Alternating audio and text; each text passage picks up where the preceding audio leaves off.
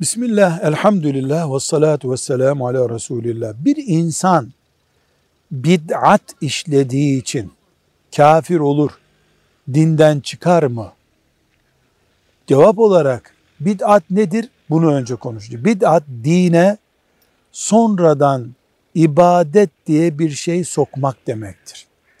Eğer bu bid'at Müslümanların Kur'an'dan, icmadan, Peygamber sallallahu aleyhi ve sellemin sünnetinden öğrendiği kesin değerlerle oynayan mantıklı biri ise yani akideye ait inanılmaması gereken bir şeyi inanma, inanılmaması gereken bir şeyi veya tersini oluşturma mantıklı bid'at insanı kafir yapar. Mesela meleklerle ilgili değişik bir inanca sahip olmak dinden çıkarabilir.